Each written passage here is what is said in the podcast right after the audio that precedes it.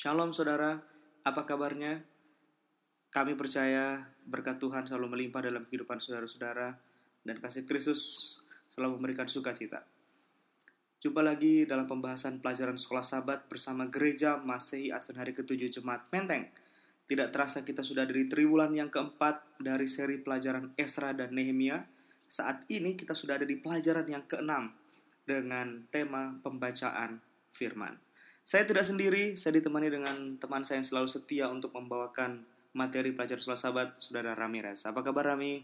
Puji Tuhan, sehat pendeta. Terima kasih Rami selalu setia uh, memberikan pendapat-pendapat dan nasihat-nasihat sehubungan dengan pelajaran penting di pelajaran sekolah sahabat kita kali ini. Sama-sama pendeta. Uh, ini pelajaran keenam ini penting sekali Ram, apalagi buat kita anak-anak muda Ram ya, Betul. karena ini pembacaan firman dan kita akan melihat apa pengalaman yang dialami oleh bangsa Israel di zaman Esra dan Nehemia yang bisa kita aplikasikan dalam kehidupan kita pribadi, keluarga, dan jemaat. Oke, mengawalinya. Ram, highlight sedikit aja Ram. Apa sih akan kita pelajari sepanjang minggu ini Ram? Jadi eh, ternyata eh, ini diceritakan bahwa pembangunan eh, tembok itu sudah selesai, Mhm. pendeta. Dan bagaimana ternyata kebiasaan Ezra pada zaman dahulu itu akhirnya diajarkan, oh itu kan di pelajaran sebelumnya kan diajarkan kepada bangsa Israel. Ya. Dan kebiasaan itu berlanjut sampai sekarang. Oke. Seperti itu. Mhm. Dan eh, setelah selesainya pembangunan tembok tersebut, Nehemia ternyata mengangkat pengawas-pengawas untuk Yerusalem. Oke. Ada saudaranya si Hanani, terus panglima benteng yaitu Hananya, Mhm. dan eh, kedua orang ini dipilih itu karena integritasnya dapat dipercaya dan memang eh, nanti kita pelajari lagi bagaimana pembaca firman itu bukan hanya pribadi pas pribadi saja, tapi Mhm. berkumpul di tengah-tengah Oke. kota. Itu yang Oh, mungkin yang bisa itu yang- itu bisa highlights kita kita ya. Hmm. sepanjang minggu. Oke, kalau gitu mari kita awali pelajaran sekolah sahabat ini dengan membahas bahwa akhirnya tembok Yerusalem selesai dibangun, Ram. Ya. Pentingnya tembok ini selesai dibangun menunjukkan bahwa Allah hadir dengan bangsa Israel. Betul. Sehingga bangsa-bangsa yang ada di sekitar bangsa Israel ketika melihat bahwa tembok Yerusalem berhasil dibangun, mereka semua terkagum-kagum. Betul. Dan mereka semua akhirnya menyatakan bahwa di Israel ada Allah yang sangat hebat. Yes. Karena kan kita sudah tahu cerita sebelumnya bahwa bangsa Israel mengalami banyak sekali tantangan-tantangan. Bahkan tantangan itu bukan saja dari luar, tapi juga dari dalam. dari dalam. Oke, tadi Rami sudah singgung bahwa dipilihlah orang-orang yang penting untuk menangani Yerusalem itu sendiri. Ada Hanani dan Hananya. Walaupun mereka adalah saudara-saudara Nehemia sendiri, tapi saya tidak yakin Nehemia memilih karena faktor keluarga Ram. Terus kenapa tuh? Tapi karena dua orang ini punya integritas dan dapat dipercaya. Wow. Jadi artinya orangnya adalah orang yang cakep dan takut akan Tuhan.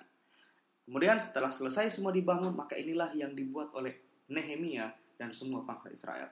Mereka berkumpul dan hebatnya Ram, ketika mereka berkumpul, mereka berkumpul di hari peniupan serunai, hari di mana sebelum dimulaikan hari Grafirat atau hari raya pendamaian, dan hari di mana mereka akan memperingati hari raya Pondok Daun, di mana Allah telah membebaskan eh, bangsa mereka yang jauh-jauh dulu dari Mesir. Wah.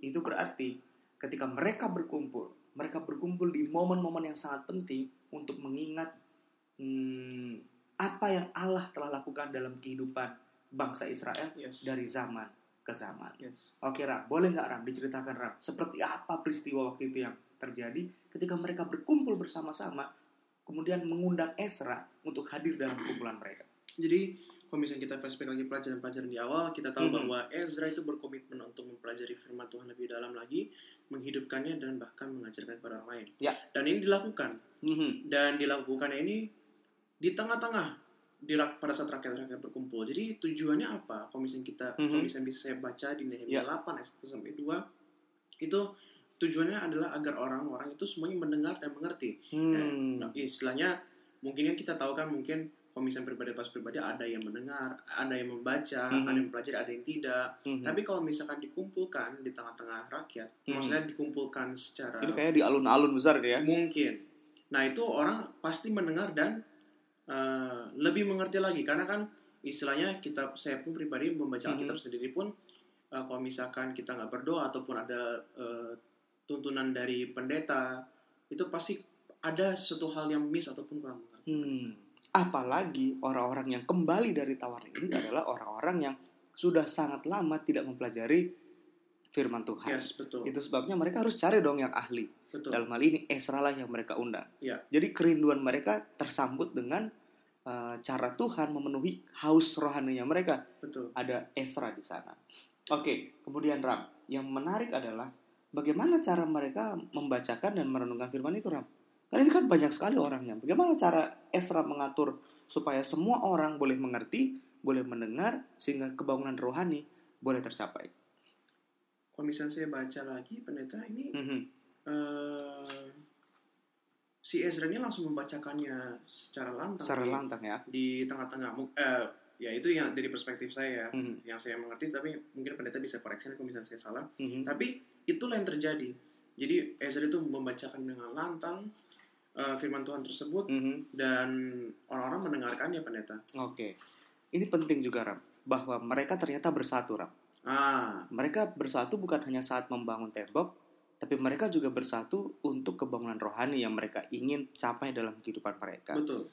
Banyak sekali eh, ide-ide persatuan itu diungkapkan dan dinyatakan. Tapi jarang saya dapati ide persatuan untuk membangun kebangunan rohani dengan cara membaca firman bersama-sama dan merenungkannya.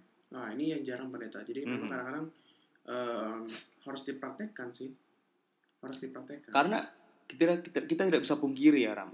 Bahkan banyak sekali gereja yang sudah mengupayakan banyak sekali program-program untuk menyatukan semua anggota jemaat untuk belajar bersama. Tapi animo eh, masya- eh, animo jemaat untuk turut serta bersama untuk mempelajari pelajaran Alkitab juga kayaknya sangat sedikit. Ini ini yang sangat disayangkan ini.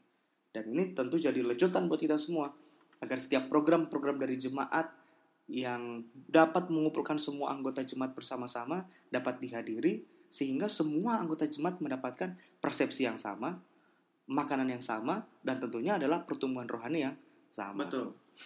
Jadi ini yang menjadi perhatian juga sih pendeta. Maksudnya Mhm. dalam artian bahwa eh, mungkin orang-orang yang membuat malas membaca Alkitab mungkin malas baca sendiri Hmm. atau mungkin eh, sudah terlarut dengan kesibukannya. Mhm.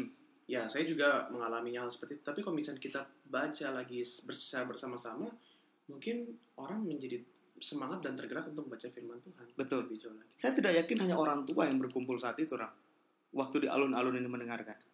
Pasti ada anak muda juga. Pasti semua dan tidak terkecuali. Betul. Saya tidak tahu roh apa yang merasuki semua orang-orang ini sehingga semua antusias untuk mendengarkannya. Ya pasti Roh Kudus. Sementara di gereja kita ya, setiap kali ada sebuah program belajar Alkitab atau apa saja, hanya orang tua saja yang terlibat dan sedikit anak-anak muda.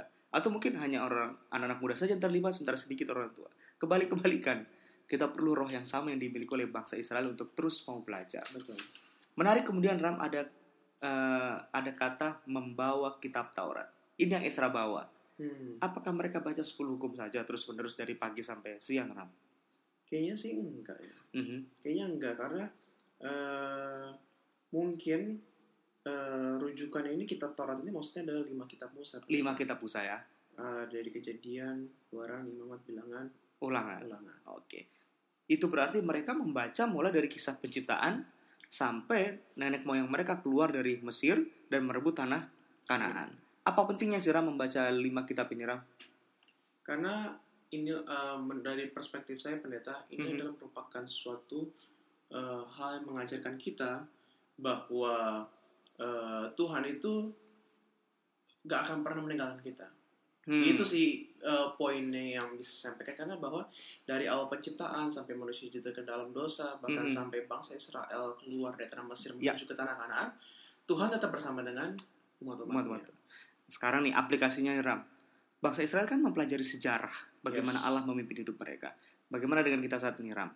Sebagai orang muda, seberapa besar kerinduan saya untuk mempelajari sejarah gereja saya sebagai bentuk hmm, apa ya apresiasi dan pujian atas apa yang Allah telah lakukan bagi gerejanya. Ya jujur waktu kemarin eh, narasumber kita datang ya yang Pendeta Doni Krisutianto Ah. ya. itu saya eh, jadi lebih mengerti lagi lebih dalam se- mengenai sejarah gereja Advent. Mhm.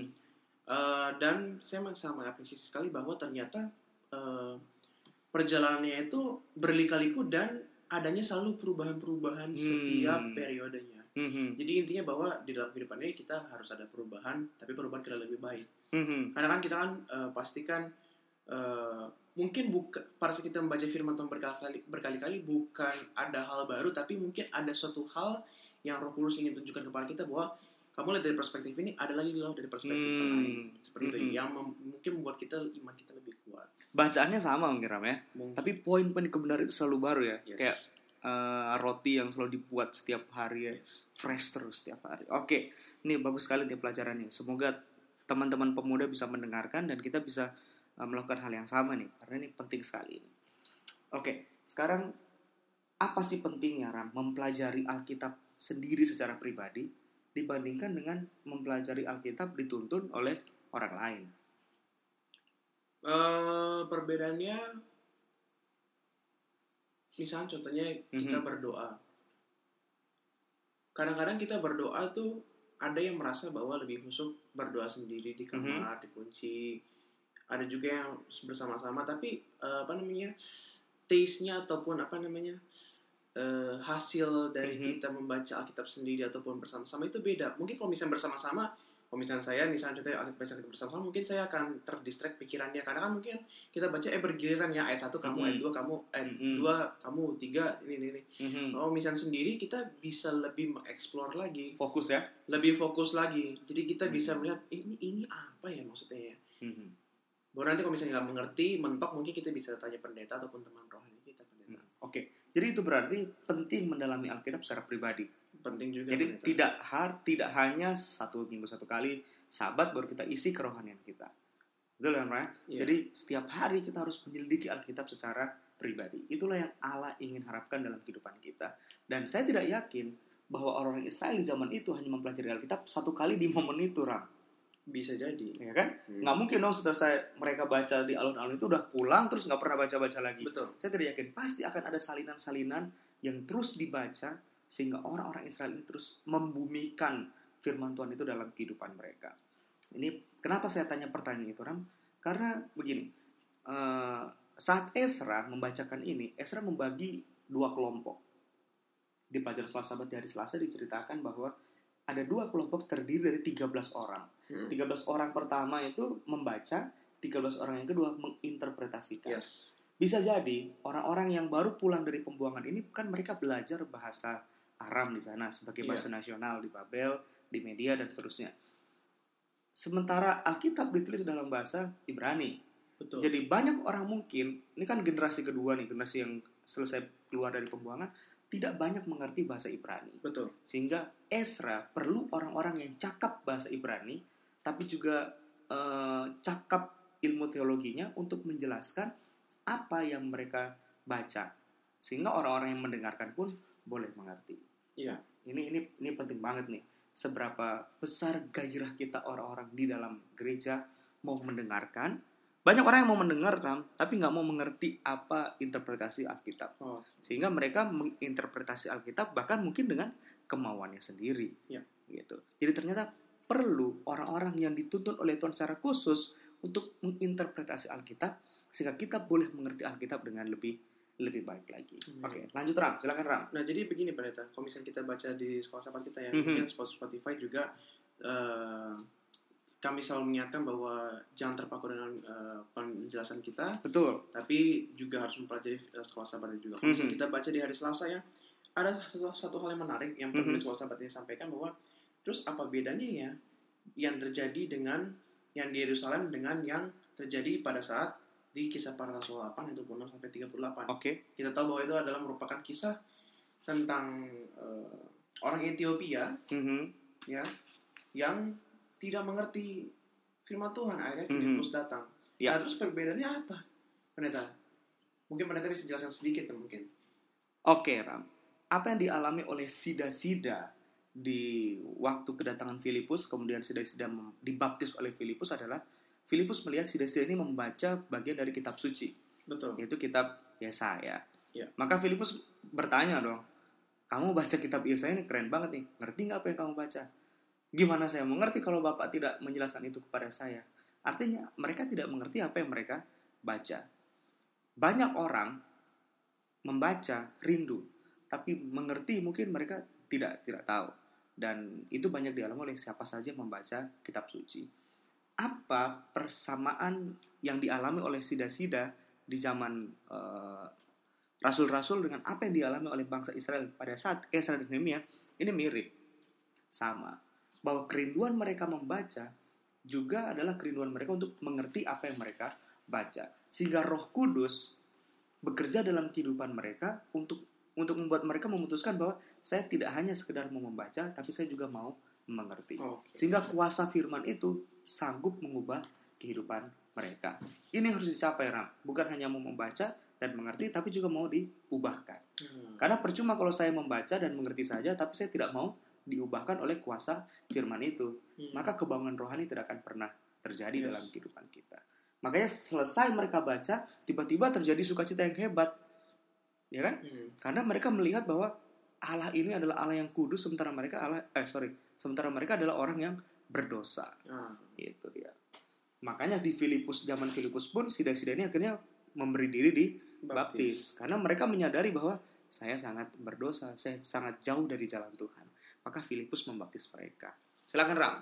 Nah, kalau misalnya tadi reaksi dari sida-sida tersebut Mhm. bersuka cita dan menyerahkan diri baptis, ternyata kalau misalnya kita pelajari lagi, eh, kembali lagi ke zaman Ezra dan Nehemia Ya. ini, mereka menangis pendeta. Betul, betul. Karena betul. mereka tahu, waduh saya sangat berdosa sekali. Mhm, mhm, mhm. Mungkin kita juga kalau misalnya baca firman Tuhan, waduh Tuhan ternyata saya sangat berdosa. Sangat berdosa. Tapi ya itu tadi kalau misalkan kita sudah tahu kita berdosa, ya kita harus 180 derajat berubah pendeta. Betul. Sus- susah banget. Saya Betul. mengalaminya susah sekali. Betul Ram. Tapi ya harus pelan-pelan, harus minta Tuhan Roh Kudus. Kalau misalnya kita masih punya orang tua yang lengkap, kita bisa berkonsultasi dengan orang tua ataupun Mhm. ke pendeta ataupun Yes. teman rohani. Saya setuju. Jadi memang eh, itulah yang menjadi sebetulnya patokan kita pendeta. Banyak orang Ram memang melakukan hal itu Ram. Ketika kita baca, kita mengerti apa kesalahan kita, kita jadi jadi semakin terpuruk nih. Iya, Aduh Tuhan, sampai-sampai akhirnya kita tidak tahu harus seperti apa, iya, seperti apa lagi. Karena benar-benar kita menyadari bahwa saya bersalah dan berdosa. yes, Momen-momen ini krusial nih Ram. Sering sekali setan menggunakan momen-momen ini sehingga kita tidak bisa bangkit lagi. Ah, Oke, sehingga kita melihat ke belakang terus, terbenam dengan dosa-dosa kita dan kita nggak bisa move on lagi, move Hmm. forward lagi. Makanya waktu itu diserukan sama mereka, ngapain kamu menangis? Pulang. Apa yang harus dilakukan sama mereka? Bersuka cita, Betul. gantinya berduka cita, betul. gitu. Jadi bersuka cita, nggak boleh, nggak boleh kamu menangis menangis terlalu lama, terlalu larut. Sudah karena Allah telah membebaskan kamu, gitu Ram. Tapi memang bukan bersuka cita yang main-main, tapi bersuka Oh cita iya, karena betul penyertaan Tuhan, Betul menyadari sekali. bahwa penyertaan Tuhan itu sangat-sangat luar biasa. Betul. Jadi apa alasan kita berduka cita kalau Allah kita luar biasa? Yes. Gitu. Jadi kalau ada orang pergi ke gereja menyembah Tuhan, mukanya murung-murung, ini aneh. Gitu. Loh iya dong. Ya, Di mana sukacitanya menyembah Tuhan kalau kita murung-murung, yes. Gitu kan? Ya ini dia. Jangan sampai kita kehilangan makna dalam penyembahan ketika kita datang kepada Tuhan. Oke, Ram. Muncullah pertanyaan berikutnya, Ram. Sekalipun mereka sudah keluar dari Babel, pasti hidup mereka belum belum settle ya. Betul. Karena pelajaran beberapa minggu yang lalu ingat masih jomplang nih. Yang kaya sama yang yang miskin masih masih jomplang nih. Iya. Dan pasti Esra atau Nehemia juga terus kasih pelajaran sama mereka supaya yang satu memperhatikan sama yang yang lain. Nah, ini menariknya bahwa Allah rindu bangsa Israel terus bersukacita dalam kehidupannya. Bagaimana caranya Ram? Saya bersukacita sementara keadaan hidup saya tidak layak untuk maksudnya nggak pantas saya bersukacita karena saya susah. Gimana caranya bersukacita dalam hidup yang susah? Nah, ini sebetulnya pertanyaan yang sama juga yang ingin saya pertanyakan. Oke, oke Ram. Karena eh, memang eh, namanya kita lagi susah, ya gimana kita bersuka cita apa Mhm. bersyukur. Mhm. Ya, boro-boro bersyukur bersuka cita susah. Ya. Nah, inilah yang menjadi eh, polemik di tengah-tengah kita Mhm. sebagai umat manusia. Pastilah, Mhm. manusia pasti pernah merasakannya. Ya. Bahkan Yesus pun di Taman Getsemani dia bersusah hati. Mhm. Iya dong. Ya. Pada saat dia berdoa, Betul. Nah, itulah makanya eh yang mungkin saya juga masih belajar, tapi itulah gunanya kita berserah sama Tuhan. Hmm. Itulah juga kita seperti pelajaran sebelumnya adanya motivasi dari teman-teman kita. Betul, betul, betul, betul. Jadi eh, itulah makanya saya bilang eh, kita membutuhkan sense of apa ya? Kita membutuhkan eh, rasa perhatian kepada orang lain. Mhm. Bukan perhatian dalam arti yang yang aneh-aneh, tapi Mhm. maksudnya perhatian kita sebagai sesama umat Tuhan. Hmm. Karena saya kayak percaya pada saat orang berusaha hati mungkin saja Tuhan memakai kita untuk memotivasi dia. Yes.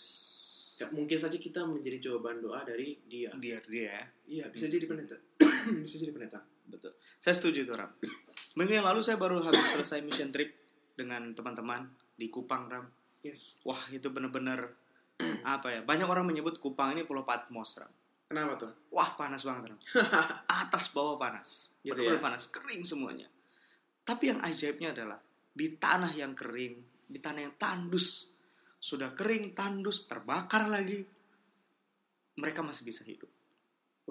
Dan ajaibnya adalah orang-orang ini sangat setia sekali kepada Tuhan.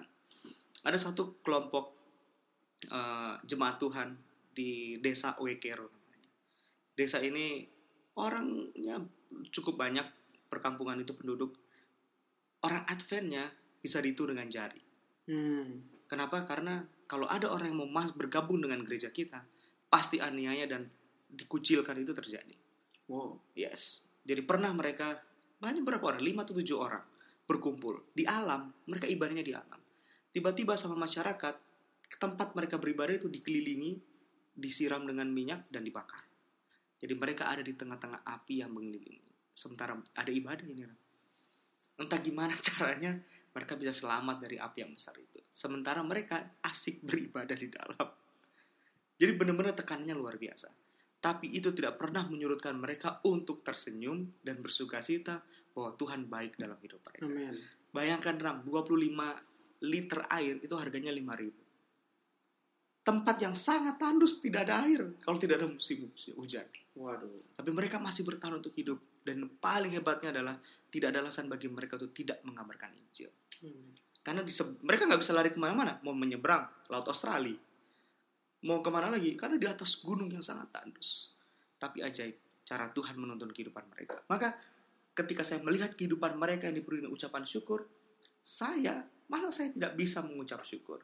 Maka kadang seperti yang Rami tadi sampaikan, dengan melihat kehidupan orang lain, kita bisa belajar untuk bersyukur. Yes. Bahkan kitalah yang bisa menjadi jawaban doa atas kehidupan mereka Amin. sehingga kehidupan mereka boleh dipenuhi dengan ucapan syukur. Oke Ram, penutup Ram. Jadi ya nanti pendeta lah menutup masa saya pendeta. Aduh, oke oke Ram. Tapi ya intinya adalah yang saya pelajari bahwa Mhm. dari subbab atau pelajaran pembacaan firman ini ternyata eh, firman itu sangat powerful Ya. untuk kita dan harus kita pelajari. Ya, saya juga masih belajar, maksudnya masih belajar Mhm. untuk tekun belajar firman Tuhan.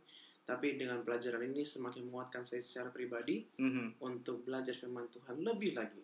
Karena ternyata eh, banyak sekali manfaatnya Mhm. Mhm. membuka pikiran kita, meng- meng- menghiburkan hati kita. Karena kan Mhm. firman Tuhan ini isinya selain menubuatan, selain sejarah, ada juga penyejuk-penyejuk hati di sana. Betul, saya setuju Ram. Jadi eh, itulah yang dilakukan pada zaman dahulu oleh bangsa Israel Mhm. bersama dengan Ezra dan Nehemia. Kenapa kita kita lakukan lagi sekarang pada zaman ini? Betul, apalagi kita sudah mendekati zaman di mana Yesus segera datang. Amin. Ini menjadi tantangan bagi kita Ram.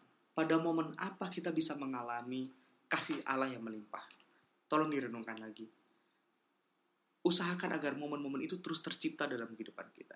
Sehingga kita merasa dekat terus dengan Allah. Amin. jangan sampai momen itu jadi momen yang kita rindukan terjadi tapi tidak pernah terjadi lagi dalam kehidupan Yes. kita dan kalau kita rindu momen itu terjadi itulah yang terus kita gumuli agar kita punya satu momen yang indah di mana kita dengan Tuhan terasa dekat Amin. sehingga pengalaman sukacita karena Tuhan walaupun di masa yang sukar boleh kita alami Amin. yang menarik kemudian adalah para pemimpin-pemimpin ini. Ketika mereka menemui Esra untuk belajar kitab suci, mereka terlebih dahulu mempelajari kitab suci, baru mereka mengajar kitab suci kepada eh, orang-orang yang banyak. Itu berarti para pemimpin sadar akan tugas tanggung jawab mereka. Sebelum bangsa ini belajar Alkitab, para pemimpin terlebih dahulu belajar Alkitab. Sehingga bangsa ini akan melihat contoh dan teladan yang baik dari para pemimpin-pemimpin mereka.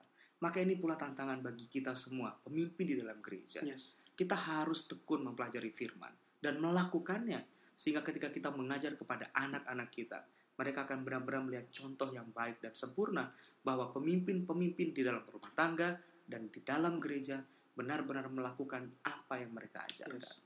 Singkatnya Ram, kita tidak sempurna, Iya betul. tapi kita harus belajar. Seperti kata Paulus, bukan karena aku sempurna, tapi aku mau mengejarnya. Iya. Jadi, marilah kita tekun belajar sekolah sabat dari hari ke hari sehingga kita boleh mencapai apa yang Allah rindu ingin kita capai dalam kehidupan kita yaitu kesempurnaan karakter sama seperti Kristus. Pada akhirnya Rami silakan berdoa untuk semua para pendengar setia Spotify Jemaat Menteng. Oke, mari kita bersama doa. Allah Bapa kami bertahun dalam surga, kami berterima kasih karena berkat penyertaan luar biasa dalam kehidupan kami Bapa. Kami telah mempelajari sekolah sahabatmu bagaimana mempelajari firmanmu adalah sangat-sangat penting dan maka kami harus bersuka cita karena firmanmu mengajarkan kami untuk bersuka cita. Biarlah kami dapat mempelajari firmanmu, menghidupkannya dan bahkan mengajarkan kepada orang lain sehingga orang lain dapat melihat kasih Kristus terang kami dapat terpancar kepada mereka bukan untuk kemegahan kami tapi untuk kemuliaan bagi nama saja Bapak. Terima kasih Bapak, kini kau berkati kami eh, dengan melimpah, biarlah kami juga bisa menjadi- dapat menjadi saksi-saksi bagi sekeliling kami Bapak. Terima kasih Bapak, inilah doa doa dan permohonan kami, sempurnakanlah doa kami yang kurang sempurna ini karena kami berdoa dalam nama Yesus, yang ada nama yang indah yang telah menjadi selamat dan penebus kami. Amin. Terima kasih telah bergabung bersama dengan Gereja Masih Advent ke-7 Jumat Menteng dalam pembahasan pelajaran setelah sabat. Kami berharap pelajaran ini boleh jadi berkat bagi kehidupan saudara-saudara. Jangan lupa, jangan terpaku kepada pelajaran ini. Terus pelajari pelajaran setelah sabat pribadi, dalam keluarga, dan bersama-sama dengan kelompok di dalam gereja. Maka kita akan merasakan berkat-berkat Tuhan yang mengalir. Sampai bertemu lagi pada kesempatan yang berikutnya. Tuhan Yesus memberkati.